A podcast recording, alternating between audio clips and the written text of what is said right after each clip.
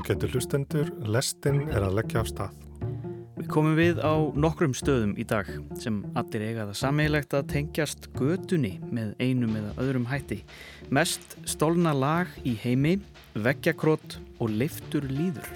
Og þá er ég alltaf að vona að núna hlýtur það að gerast að ég lendi í flashmobi og bara svona allt stöðvast og einhver byrjar að dansa og syngja og, og þetta er svona einhvern veginn, já ég, ég mynda með svona söngleik, skiljuru. Allt í nærmar innan í þessum söngleik.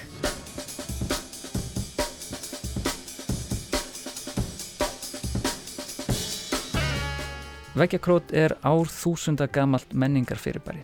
Þetta er útrásargjörningur, prakkarastrygg, svæðismerking, augrun.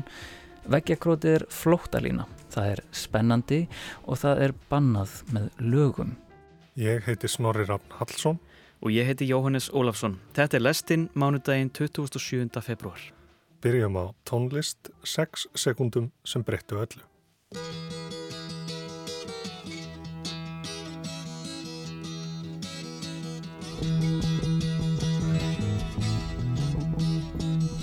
It's getting to the point where I'm no fun anymore Árið er 1969 og vitt og breyttum bandaríkinn leggja ungir hippar sig fram um að kasta af sér hugmyndum og fjöturum fortíðarinnar og foreldra sinna.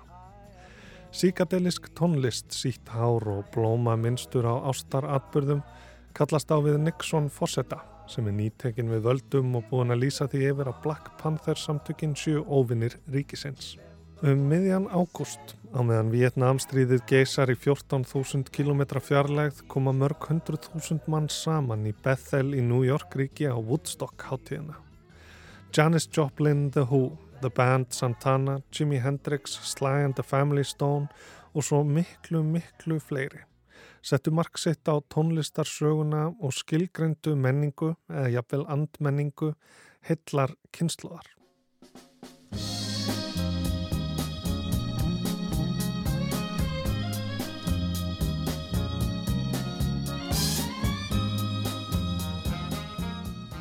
En nokkrum mánuðum áður og örlítið sunnar átti einn maður eftir að hafa alveg jafn mikil áhrif á tónlistarsöguna með aðeins 6 sekundum af trómuslætti. Saxofónleikarin Richard Louis Spencer leik með hljómsveitum Otis Redding og Curtis Mayfield en var tilbúin til þess að stiga sjálfur fram í sviðsljósið með eigin tónlist. Og hann var með lægið í það og hann var með hljómsveitina í það. Í mæ 1969 hjælt R&B hljómsveit Spencers, The Winstons, í hljóðver í miðborg Atlanta til að taka blæðið Color Him Father.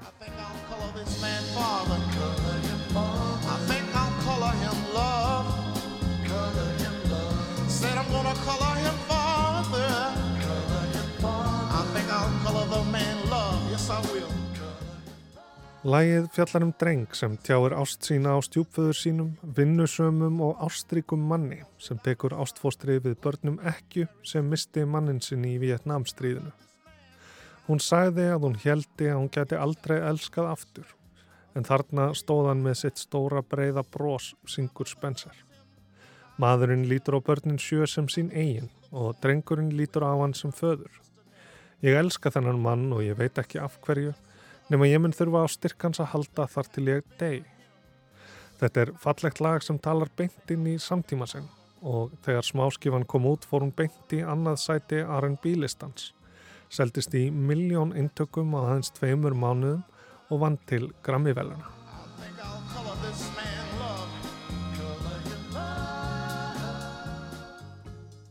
En sjötómi vínilplata hefur tvær hliðar og Spencer var ekki alveg vissum hvað þetta vera á henni, björliðinni. Ábreyða kannski, önnur útgafa af sama lægi. Nei, strákar við hendum bara í eitthvað er það ekki. Einhvern veginn svona ímynda ég mér að Spencer hafi talað áður en að Winstons tóku sér 20 mínútur til að semja nýtt lag.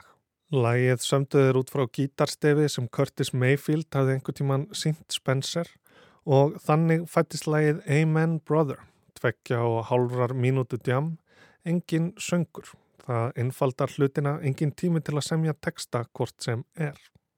Þegar 1 mínúta og 26 sekundur eru liðnar af læginu þá kemur þetta augnablík sem breytir öllu, trommubreykið eða sólóið. Allir hljóðfæralegararnir nema trommarinn Gregory Coleman hætta að spila í fjóra takta. Fyrstu tvo taktana heldur Coleman grúfinu ótröður áfram, spilar það sama á áður. En í þriðja taktinum senkar hann snerilhögginu og í þeim fjórða er fyrsta slægið þögult, snerill og bassatróma ring snúast svo um hvora aðra og krass-symbalinn læðir sér inn áður en hljómsveitin heldur áfram að spila. Og útkoman er þessi og útkoman er kunnuleg.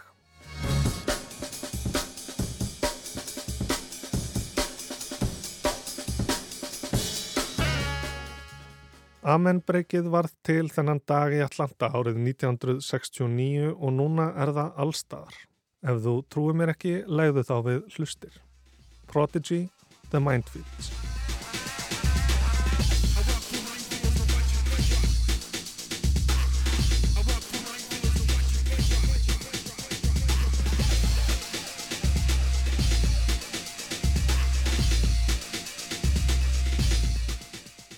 Night Call, London Grammar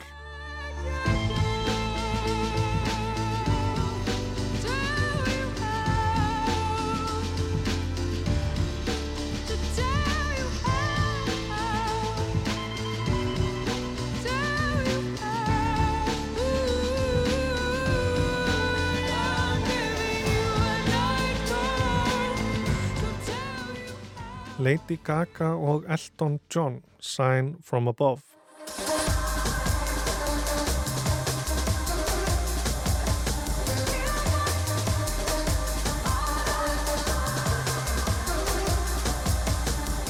David Bowie, Little Wonder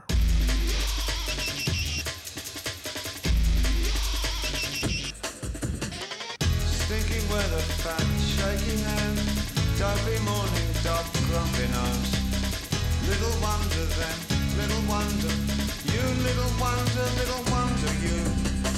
Big screen dolls and explosions. Sleepy time, full of you. Little wonder then, little wonder. You little wonder, little wonder you. En hvernig komumst við frá þessu?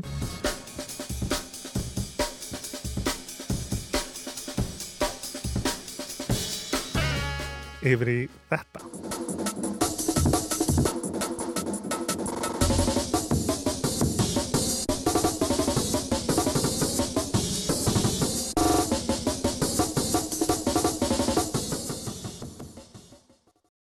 New York á áttunda áratögnum var ekki sérlega fögur sjón. Efnahagsleg og pólitísk vandamál þjökuðu borgina, það hafði dreyið úr yðnaði, hatvinnuleysi var mikið og borgin var hreinlega á barmi gjaldþróts. Til að halda sér á floti sagði borgin upp fjöldanum öllum af starfsmunum sínum. Dró úr sorphyrðu og dægradvöl fyrir börn eftir skóla. Og millistjættin flúði borgina, kom sér fyrir í útkverfunum en þeir sem urðu eftir voru skiljanlega ósáttir upplifðu að stjórnvöld hefðu skilið þau eftir í svaðinu með engin úrræði. Ofbeldi jógst, eiturlifja neysla jógst og glæpatíðni jógst. Borgin varð skítug, hrá, eidileg, hættuleg. Og þegar ramagnið fór svo af allri borginni árið 1977 sögð upp úr. Fólk kvekti í byggingum og tæmdi verslanir í greipdeldum sem breytust út um allt. Ráftækja verslanir eiga hafa komið sérstaklega illa út úr þessu og fátækari hverfi eins og Brooklyn og Bronx fylltust skindilega af dýrum, hljómtækjum, hátölurum og plötuspilurum. Þannig var hiphopið og plötusnúða menningin að fæðast og fleiri en nokkru sinni fyrr gáttu tekið þátt. Plötusnúðar leku sín uppáhaldslög í partíum úti á götu og í klubum. Og þó borgin væri að hrinja í kringum það vildi fólkið hafa gaman og dansa. Því meira grúf, því betra. Og þá eins og nú skipti öllu máli að vera með ferskustu laugin, koma með eitthvað sem fólk hafði ekki hyrt áður og gengum enn jafnvel svo langt að setja limbandi við nöfnin á laugunum svo aðrir sæ ekki hvað þeir voru að spila. Sönguðu einnig að sér eintökum af sínum uppáhaldsplötum svo aðrir hreinlega kæmist ekki í þar, gætu ekki spila þær þó þeir vissu hvaða plötur þetta væru. En auðvitað komst alltaf upp um menn og því þurfti að leita dýbra og dýbra inn í ríku að plötuskápa til að grafa upp feng og mótán plötur til að halda taktinum gangandi. Sagan segir að það hafi verið plötusnúðurinn Afrika Bambata sem uppgötaði Amen Brother. Það er auðvelt að dansa við allt lægið en 6 sekundna breykið fyrir miðbygglagsins trillt í líðin í hvert einasta sinn. Með því að hafa sömu plötuna á tveimur spilurum gætu Bambata skipta á milliðara og snúið plötunum þannig að breykið spilaðist aftur og aftur og aftur og hann hægði á því úr 45 snúningum í 33 og 1 þriðja og breyk dansararnir ring snerust um gólfin í takt við læg.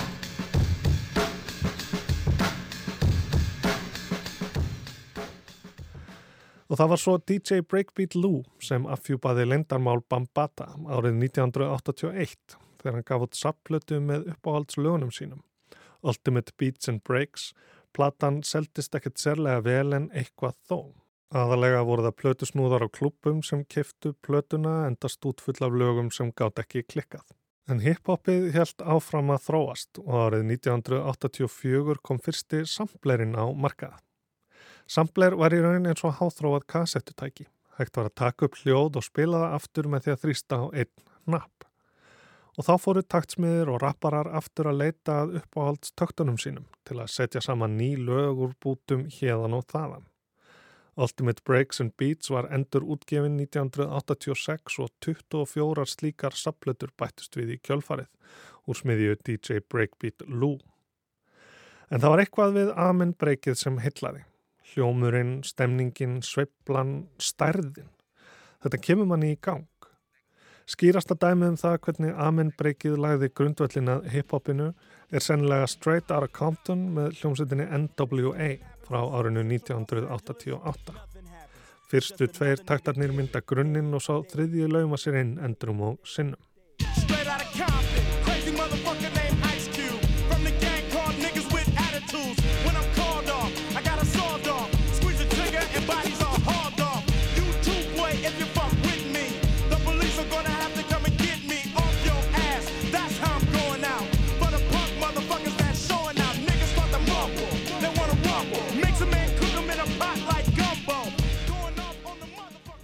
En auðvitað voru þessar 6 sekundur úr Amen Brother með The Winstons ekki það eina sem taktsmiðinir notuðu.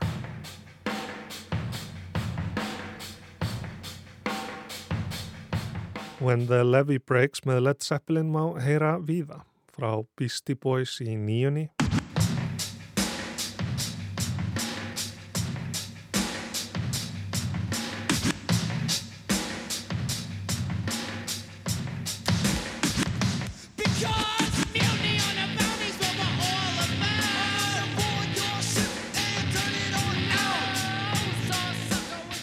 til Bjarkar í Army of Me.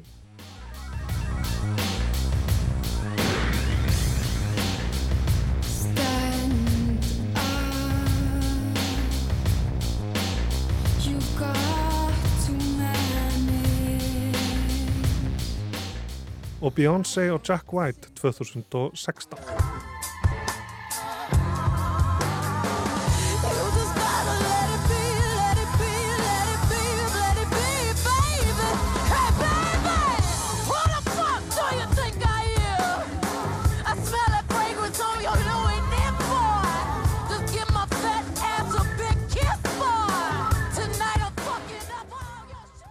Munurinn á amenbreykinu og öðrum töktum fælst hins vegar í því sem gerðist þegar að takturinn fór yfir hafið. Samplerarnir urðu sífælt betri og þróari. Fljótlega var ekki bara hægt að spila sama hljóðbútin aftur og aftur, heldur klippan í sundur, teia og toga, brjóta niður í smæstu einingar og setja aftur saman upp á nýtt. Og þessi þróun, allir þessir nýju möguleikar, urðu til þess að sagan endur tók sig.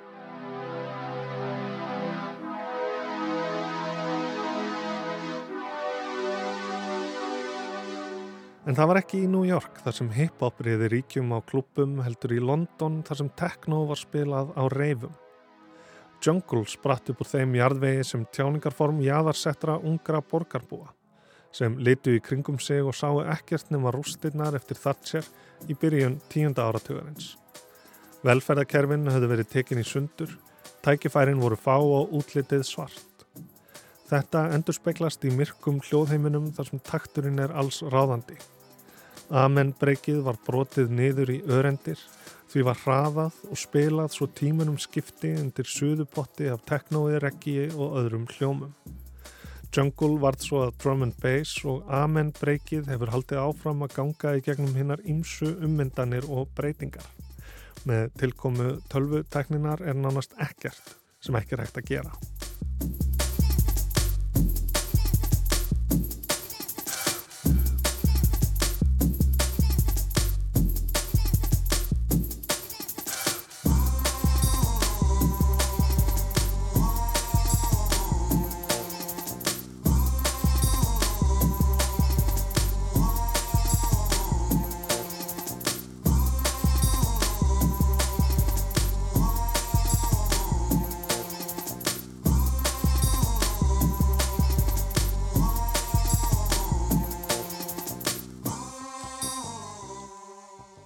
Eins og við heyrðum hér áðan hefur Amen breykið tekt sig langt út fyrir R&B-ið þar sem það fættist, hálfpartinn fyrir tilviljun. Það þurfti að tegja lægið pínu, þetta var lausnin. Það hefur líka brotist út úr hip-hopinu þar sem það fekk að vaksa og dapna og það er komið handan jungle tónlistarinnar þar sem það varð að einhverju allt öðru. Þessar sex sekundur sem teknar voru upp árið 1969 voru frelsaðar af bjellið vinsællar smáskifu og öðlust sjálfstæði tilveru. The Winstons hættu skömmu eftir að platan kom út og forsprakkin Richard Louis Spencer snýri sér að öðru, var þá endanum doktor í stjórnmálafræði. Trommarinn Coleman lést árið 2006, auðralaus og heimilislaus á götum Atlanta í Georgíu án þess að fá krónu fyrir vinsælasta trommubreik allara tíma. Trommubreik sem notað hefur verið í meira en 5.000 lögum án leifis. Hvorugur kom staði fyrir en allt of seint að svona hafði farið með sekundunar þeirra. Þetta var allt svo nýtt og allt svo framandi þegar að amenbreykið slapp út í heiminn og það var engin leið að fanga það aftur. Þó Spencer hafi sami lægið og Coleman trommað breykið þá tilherir það einhvern veginn öllum. Það getur hver sem er gert hvað sem er við það og þessar 6 sekundur hafa sprungið út og orðið að einhverju svo miklu, miklu meira. Það verður sennilega aldrei endurtekið þó amenbreykið muni halda áfram að hljóma, aftur og aftur og aftur, í nýri mynd, í nýjum búningi, á nýjum hraða. En við ljúkum þessu á upprunalegu útgáfni, heyrum lægið allt, ekki bara þetta brot sem við höfum heyrt miljón sinnum. Lægið Amen Brother frá 1969 gjöf The Winstons til heimsins.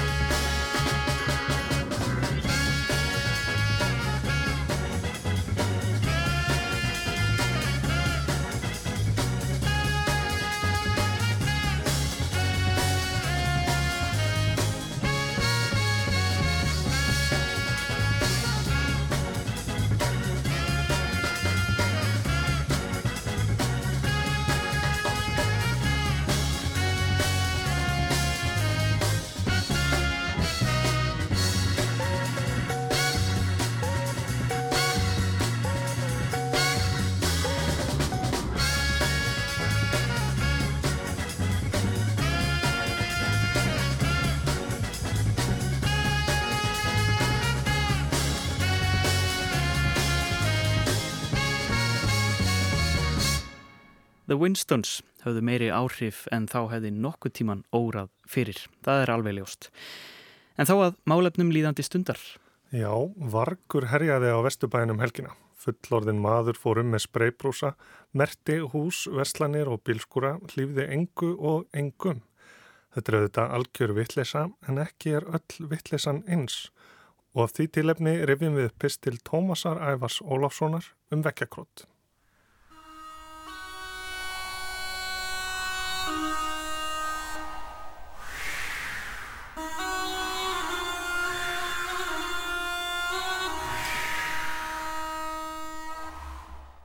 Eins og margir Íslendingar opnaði ég í haust hérna geysi vinsalubók Sapiens eftir Júval Noah Harari í íslenskri þýðingu Magneu Jóð Mattiasdóttur.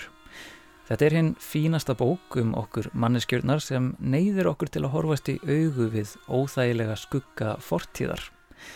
En meira ætla ég ekki að segja um hana í þessum pysli nema að það fyrsta sem lesandi tekur eftir áður en lestur á bókin er hafinn er hvernig Harari byrjar bókina.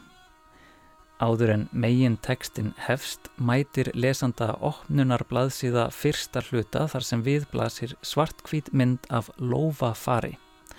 Þetta er 30.000 ára gamalt lófafar sem fannst í vegg í sjóvett Pont d'Arc hellinum í Suður Fraklandi en lófafarið er alls ekki það eina sem fannst á veggjum hellisins heldur príða þá meira en þúsund gamlar teikningar af dýrum og mönnum.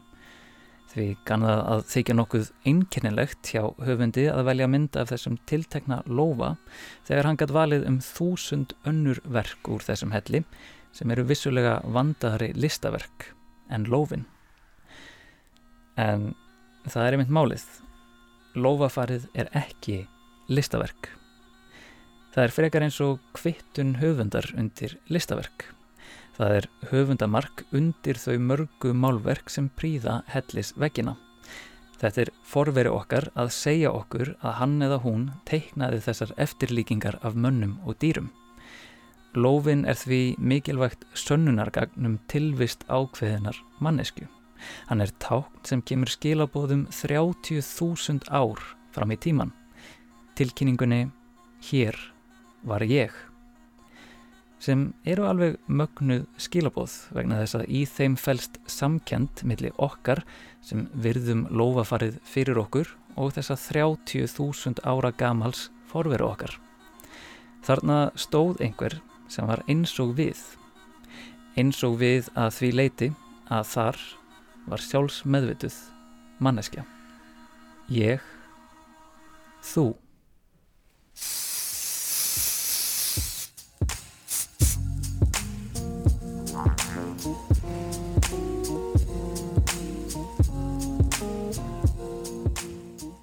Í dag eru slík lofaför út um allt.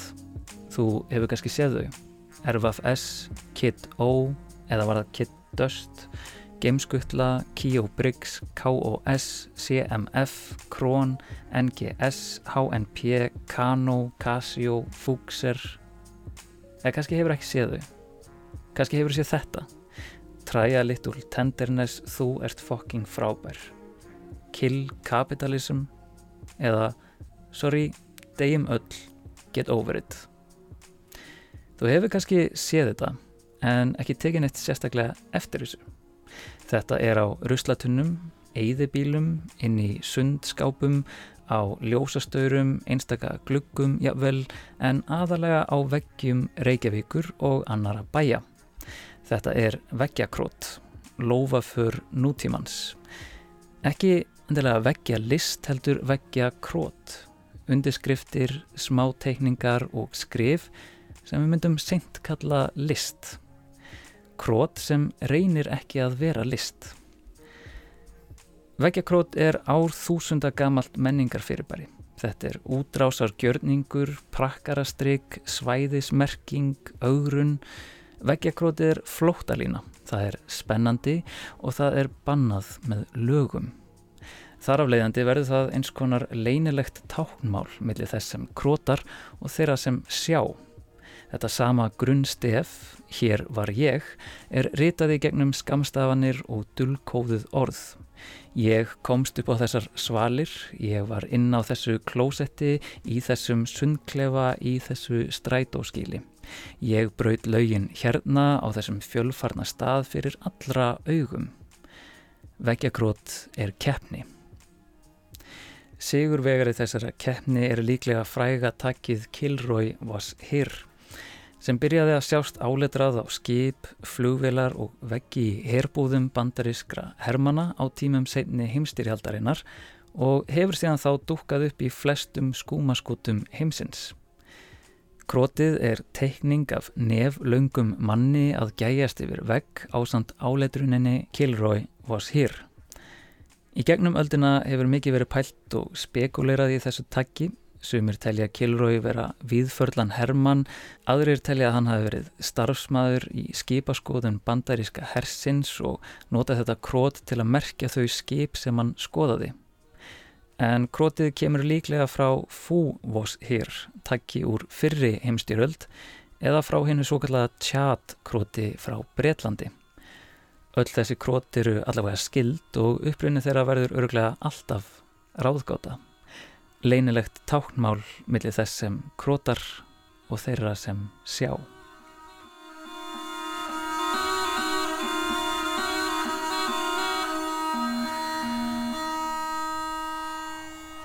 En veggjakrót þarf ekki endilega að vera undirskriftaða keppni.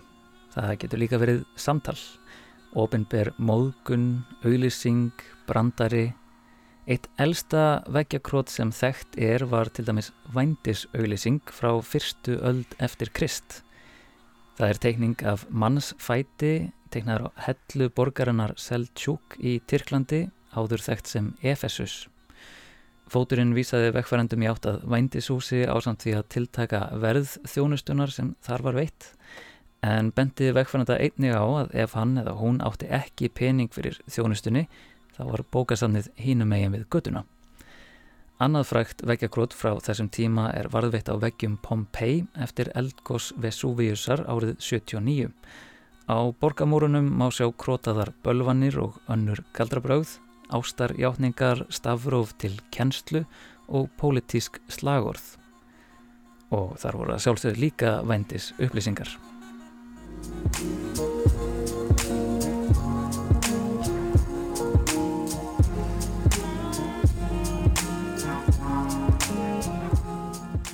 Á áttunda og nýjunda áratugnum mætti segja að veggjakrót hafi komist í tísku um allan heim þökk sé hip-hop stefnunni og líka bættu aðgengi að spreybrúsum og sírupennum. En krótið er eitt af fjórum frumöfnum hip-hop stefnunar. Frumöfnin eru plötuþeitingar, rap, breakdans og graf eða veggjakrót og allt voru þetta ákveðnir keðjuverkandi vendipunktar stefnunar. Veggjakrótið varð skapandi tjáningamáti þúsunda ef ekki miljóna ungmenna og fengu veggir stórborgarna heldur betur að kenna á því og fóru tökkin sem þar byrtust sem hland fyrir brjóstið á eldri kynnslóðum. Á þessum tíma tók þetta jaðar menningar fyrirbæri miklum breytingum og urðu mörkin milli veggja listar og ómerkilegs veggja króts nokkuð óljós. Skoðanir voru skiptar um hvað væri list og hvað krót. Skamstafanir og dulkóðuð orð, brandarar, ofinberar móðganir og tilkynningar urðu stór og vönduð verk sem þögtu kannski heilan vegg. Þar að segja, innihald verkana varð undirskriftin sjálf. Eitt er ísa stórt, hér var ég. Og í dag erum við eiginlega stött á svipuðum slóðum nema hvað að graf fagurfræði hip-hopsins sem enginnist af margræðum töggum og skopmyndum er mun betur viðtekið sem list. Borgir eru farnar að taka sumt króti sátt og borgastjórnir eru farnar að ráða til sín graffara til að mála verk á auða veggi. Veggjakrótarar sína verk sín í listagallerjum og jáfnvel á sömnum. Á sumrin er meira segja hægt að skrá sig á námskeið í veggjalist. En þrátt fyrir að mörkin séu óljósari og að laugin hafi slaknað eða allavega raða sér á annan hátt í kringum veggjakrót þá fylgja grótesku verkin okkur ennþá, smegja sér inn á svæðin sem ekki enn má króta á. Þessi frjálslega lögjöf og opnara viðmót losnar ekki við tippin, vændis auðlýsingarnar, hakakrossana, blótsýrðin, töggin, brandarana og tilkynningarnar. En það eru þetta mikilvæg ummerki, verksummerki manneskunar, klúr og grótesk skilobóð sem erfast á milli kynnslóða og afhjúpa mennskuna okkar. Þetta eru sönnunargögn sem koma í vekk fyrir að við upplifum forvera okkar sem betri manneskjur, digðugri eða siðsamari, koma í vekk fyrir að við setjum þau á stall. Krótið er þessi lægsti samnefnari samfélaga sem sannar að manneskjan er vittleysingur, lagabrjótur, spennufíkill og prakkari. Vekja krót er samkendar tól lofa far sem segir hér var ég og kemur okkur í skilningum að þarna var einhver eins og við. Eins og við aðfýleiti að þar stóð sjálfs meðvituð manneskja. Ég þú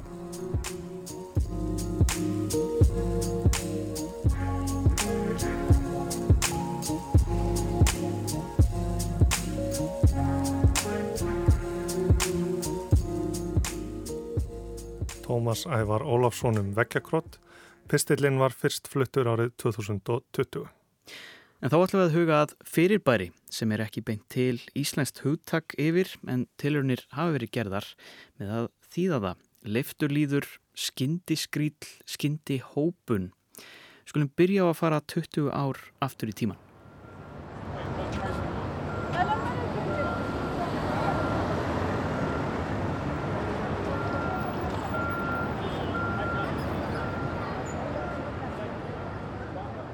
Við erum stödd á Manhattan í New York, sumarið 2003.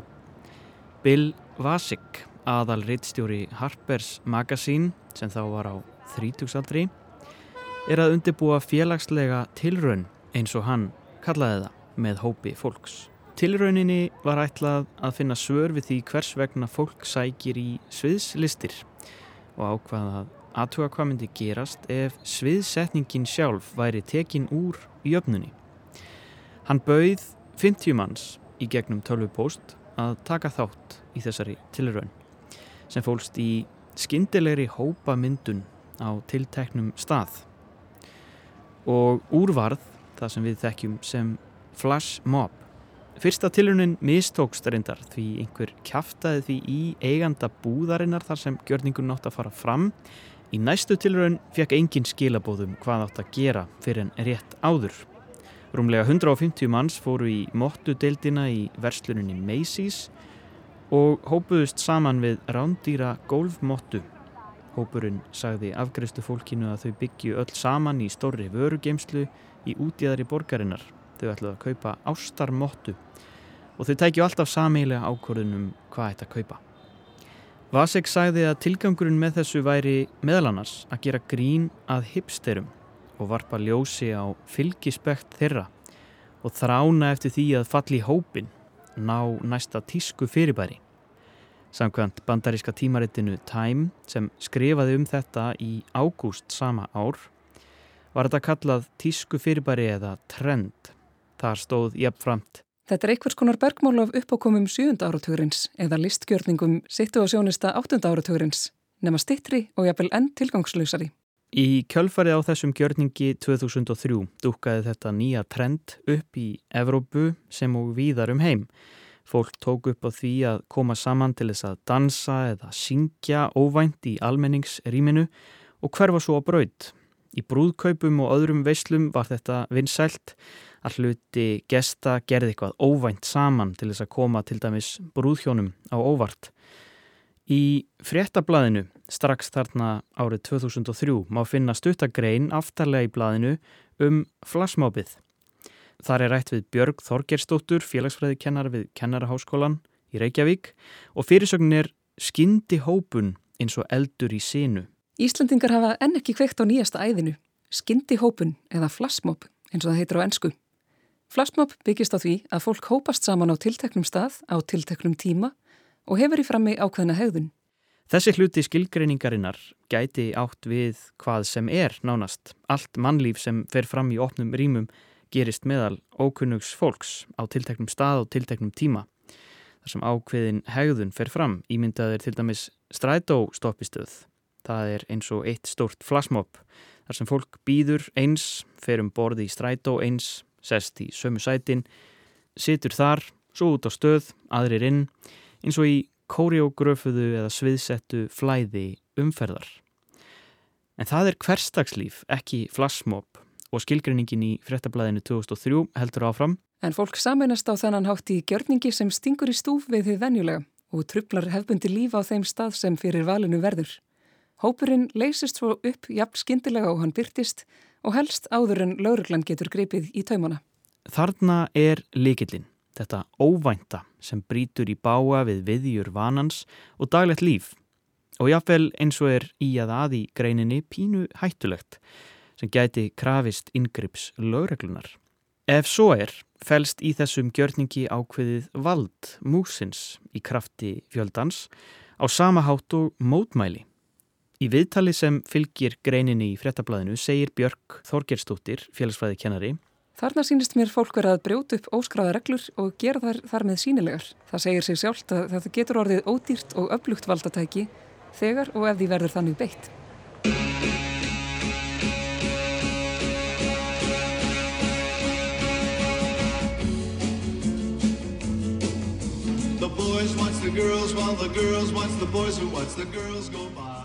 Það er ykkur spátumsbragur á þessu. Þetta var árið 2003 þegar fyrirbærið var réttan á flugi. En hvenar hefur flassmob verið öflugt valdatæki?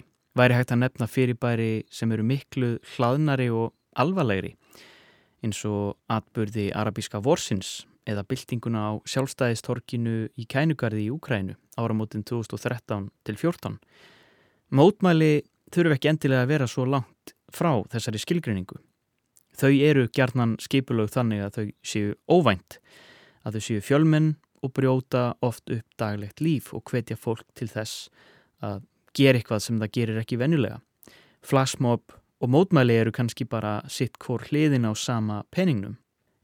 Í grein fréttavefsins Væs frá árinu 2011 sem bar heitið Dauði Flashmobsins spurningamerki var þessu einmitt veld upp að flashmobið sem góðlátlegt grín eða saklaus gjörningur hafi dáið með óerðum sem víða áttu sér stað á Englandi þetta sama ár þegar bensínsprengjur flugu ítrekkað og búðir voru reyndar trekk í trekk.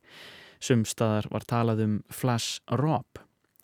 Greinahöfundur Væs lýsir þar líka áhyggjum sínum af því að í framtíðinni muni fólk líta tilbaka á hans kynnslóð, líklega aldamóta kynnslóðin. Og að þau sem tóku þátt í flashmob viðburðum verði álitinn einhvers konar aðgerra sinnar á pari við reyfingu kvítu rósarinnar sem barðist gegn ofsóknum nazista eða þeim sem tóku þátt í semla intifata uppreysninni.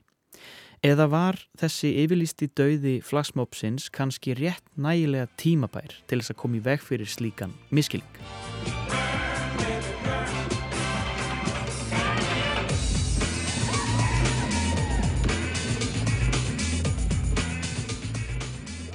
En í samhengi við flashmob og áhrif þess á þau sem verða fyrir gjörningnum, þar að segja þau sem er ekki með í ráðum, hér væri gaglegt að draga fram kunnulegt hugtak úr hugvísundunum, framand gerfingu, sem áreikja til rúsneska formalistans og bókmyndafræðingsins Viktors Slovski, sem notaði hugtakið fyrst árið 1917.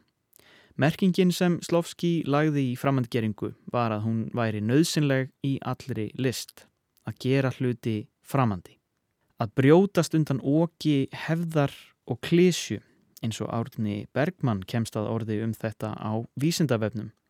Árni segir jáfnframt um framandgerfingu. Slavski lagði sérstaka áherslu á að kjarni listræn starfs og framvindu skáldskapar hlitið að vera sá að vekja skinnjun viðtakandans með því að hafna þeim aðferðum sem hafa orðið vana og endurtekningu að bráð. Leita bæri aðferða og tækni sem rýfa orð og hluti og fyrirbæri út úr fangelsi vanans og sjálfvirkrar viðtökum, gera orð og hluti nýja, endurheimta nefnleika fyrir þeim og áhrifamætti þeirra með því ekki síst að gera allt framandlegt og erfitt í skinnjun viðtakandans. sveipaður upp á teiningnum í kenningum Bertholds Brecht um 20 árum síðar um hið episka leikús. Samkvæmt Brecht á leikúsið ekki að stefna að innlifun eða katharsis, heldur þvertamóti rífa hlutina úr sínu vennjubundna samhengi og sína þá í framandi ljósi, þannig að personunar byrtist sem þættir í sögulegum ferlum sem afurð umkörfisins. Upplifun áhórandans byggir því á skinnsemi, ekki tilfinningu. Ég myndi ætla að markmið þeirra sem taka upp á því að gera flashmob er einmitt þetta, brjóta upp venjubundi mannlíf í opnu rými og gera það framandi með samhæfðri aðtöfn sem vekur fólk, gerir það annarkvæmt ringlað, heitlað eða skömmustulegt. En snúum aðeins að þessu orði, flashmob, það er nefnilega ekki til neitt eitt gott orð yfir það á íslensku. Grípum aðeins niður í þáttinn orð af orði hér á Rás 1 þar sem rætt var um fyrirbarið árið 2014 og mögulega þýðingu orðsins á íslensku. Auglísendur, stjórnmálöfl og aðri sem vilja vekja aðtekla á sér hafa tekið flassmopp í sína þjónustu og standa fyrir skipulöðum upp á komum af því tægi til að vekja aðtekla á vöru, þjónustu eða málstað. Sem sagt í auglísingaskyni. Og það er kannski þess vegna sem dreyið hefur úr áhuga fólks á þessu. Við höfum gaman af óvæntum og óveinjulegum uppákomum en við föllum eftir vill síður fyrir augljósum auglesingum. Og þó, nýlega stóðu eigandur matverubúða keðju fyrir hópsöng í einni verslana sinna og myndbanda því hefur farið eins og eldur í sinum íslenska netthema. Umfjöllunum flasmópi í íslenskum fjölmjölum getur orðið vandræðileg af því að fjölmjölafólk verðist ekki alveg vita hvað það á að gera við þetta orð. Það er eins óíslenskulegt og hugsast getur og eiginlega bara frekar asnalegt. Það er leiðinlegt að þurfa að útskýra það í hvert sinn og erfitt að þýða það svo vel sé. Þá hefur einst best að finna sér hækju að stýðjast við og hækjan er orðið svo kallað eins og til dæmis í frétt á rúf.is frá 2013 þar sem bæði er stuðst við hækjuna og fyrirbærið útskýrt. Atafið vakti mikla aðtegli en um svo kalla flassmob var að ræða. Þá kemur hópur fólks saman á fjölförnum stað til að framkama gjörning og heldur síðan sína leið að honum loknum. Og í frétti í morgumblæðinu frá 2012 er hækja notuð en gerð tilrund til þýðingar. Auglýsingunni svipar til svokallarar flashmob auglýsinga sem notið það vinsalda víða erlendis en flashmob gæti útlægst á íslensku sem leiftur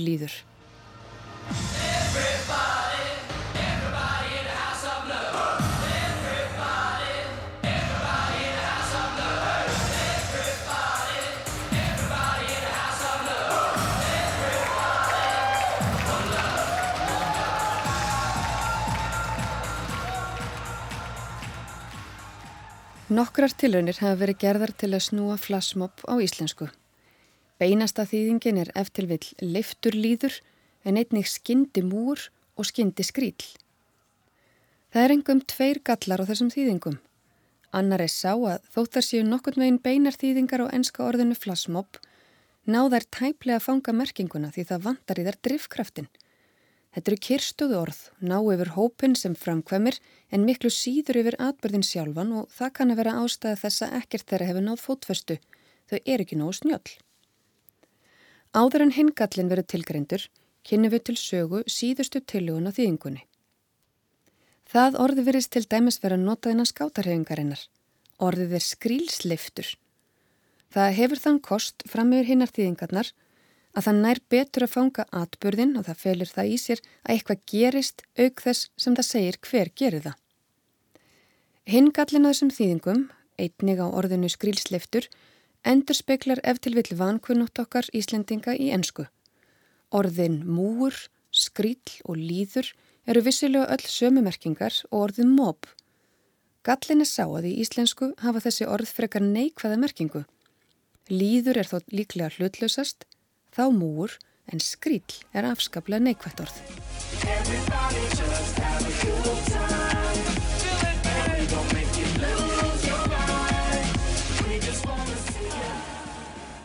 Þegar ég var að skrifa þennan texta hafði ég samband við ásúrunu Magnúsdóttur, danshöfund, sem unnið hefur með kóriografjur Stóra Hópa.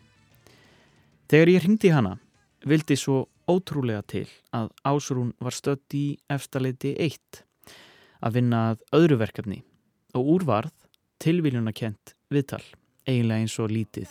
Einmitt, já, ég, mér gaman að vinna kóreografjur, ég er Já. kóreografir eða dansöfundur, já og finnst ég alltaf með, með þessa línu að svona finna ósýnilegar kóreografjur og gera þær sýnilegar þetta er svona einhver mantra sem ég er með og það er svona búa til eða svona láta eitthvað, hvað ég segja óvænt að dansar að dansa, skulum við segja. Mm, óvænt fólk til þess að dansa og stóra hópa, já, einmitt, draga fólk þá úr ólíkum áttum Já, og, já, og finna eitthvað kannski eitt, eitt dót sem að sameinar þetta fólk og, og láta þau dansa saman. Og þetta eina dót getur verið, þú veist, þau eru öll unglingar eða þau búa öll í sömu götu, eitthvað þinn, mm. finna eitthvað eitt sem er sameinlegt og svo búa til sameinlega koreografi fyrir þetta. Þetta hljómar smá eins og það sem er gert við dansandi flashmob Já, ymmit, En bara eitt áður, er þetta, er þetta mikið mál að bæði se- semja náttúrulega mhm, atriðið, mhm, það sem á að gera, mhm, fá útskýra það fyrir öllum mhm. og svo einhvern veginn þjálfa þau upp. Já, það getur verið, það getur verið mjög langt ferli, einhvern veginn og þú veist, síðan er þetta, verður þetta einhvern veginn verk sem þarf að æfa og þetta er svona, þetta er, já, löngferli, löng og ströngferli, Já. hvert, hvert og einasta verkefni, einhvern veginn. Akkurat.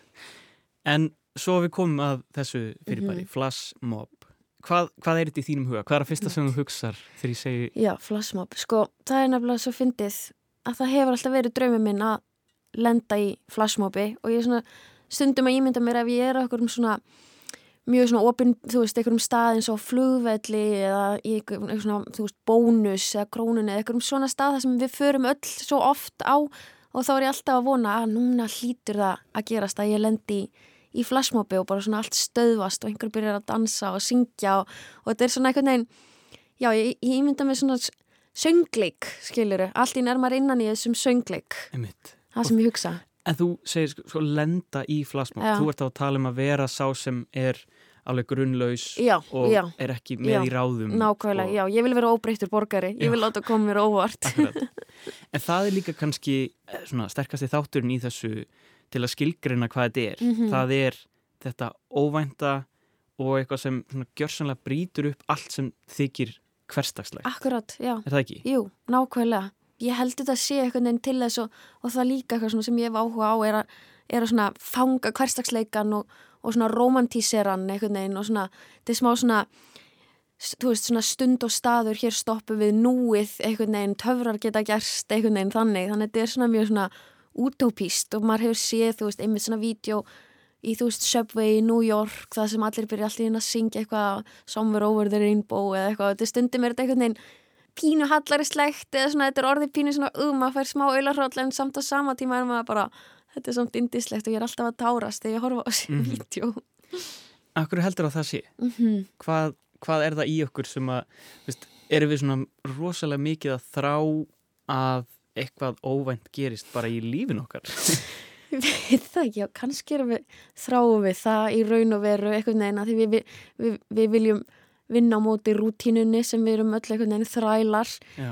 eða þetta er líka eitthvað svona sameiningar tákni einhvern veginn, við erum í þessu saman og hér er fullt af fólki að syngja saman og ég upplifi það með einhverjum sem ég þekki ekki neitt og, veist, og þetta er svona, þetta er eitthvað svona sam, sam eitthvað sem Já. gerist í þessum litla, litla mómenti En svo er það þessar hættulegu hliðar flashmobsins eins og kom fram í fréttablaðsgreininni frá 2003. Það er eitthvað svona hættulegt element við Já. þetta að við samræmum það sem er ekki venjulega gert. Já, það einmitt. að hljóma pínu hættulegt já, sko fyrir svona kerfið. Svona, veist, það hljómar ótrúlega hættulegt ef fólk tekur sig saman. já, já að því það er svo mikil völd í því í rauninni, einhvern veginn sem getur þú veist að byrjar í einhverjum samaðum dansi en, en hvað svo, hvað gerist hvað er, hvað er allt þetta fólk sem er in on it búið að ákveða að gera hér og nú sem að ég veit ekki, já, getur einhvern veginn getur auðvitað orðið pínu bara óörug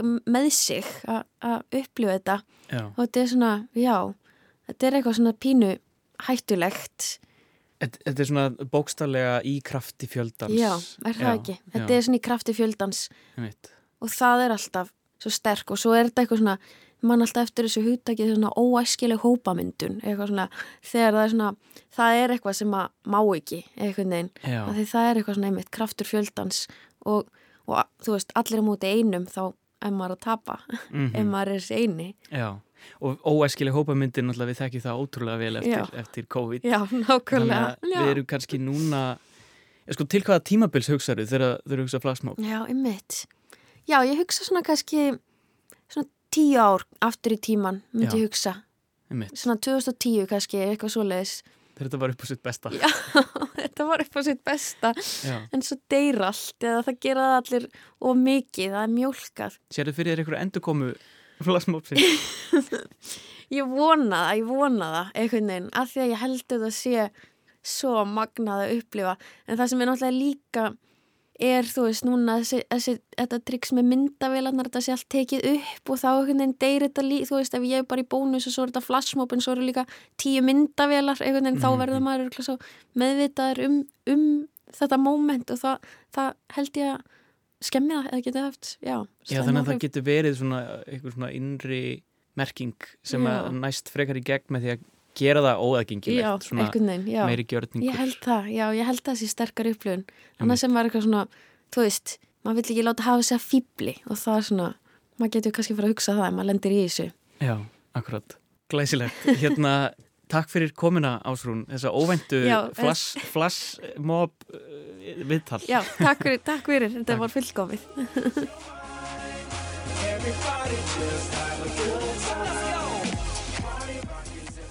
Flashmob, sama hvort það valdi aularhólli eða episkri gæsahúð, er ef til vill eilíft ef við lítum á okkar daglega líf sem flashmob. Við erum stöðugt að taka þátt í einhverju sviðsetningu, hvort sem það er hvernig við klæðum okkur, heilsumst, tölum, reyfum okkur eða bræðumst við öllu því áriði sem á okkur deinur dagstaglega. Flashmob er góðlátlegt olbúaskott í okkur mannfólkið vegna hjarðhægðunar okkar, fylgispektar, þrá eftir að fylgja einhverju tísku en um leið einhver sammannlegur gjörningur sem brýtur upp hverstægin og hnýtir okkur saman sem samfélag. En er þessi undarlegi fjölda gjörningur alveg döður? Ef það voru ekki mótmæli og óerðir sem drápan, þá hlýtur einstaklingshyggja og óæskileg fjöldasamkoma COVID-tímans að hafa gert það.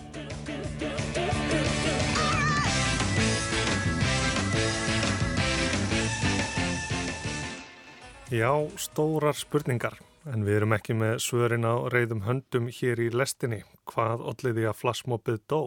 Eða liftur, líður eða hvað sem fólk vil kalla þetta? Sumir vilja kannski bara gleyma þessu. En við viljum hér með vekja máls á því að kannski þarf bara endur nýjun á þessu tískufæri bara. Ég held það. En þar með er þessari lestarferð lokið. Á þessum vangaveltum við fórum um gödurnar, heyrðum af leiftur líðum vekkjakróti og Amen Brother. Tæknimaður var Lítiða Gretastóttir. Við Jóhannes og Snorri þökkum fyrir okkur og verðum hér á sama tíma á morgun. En það er alltaf að lusta á þættina í Spilararúf og hvar svo sem þið nálgist ykkar hlaðvörp. Verið sæl.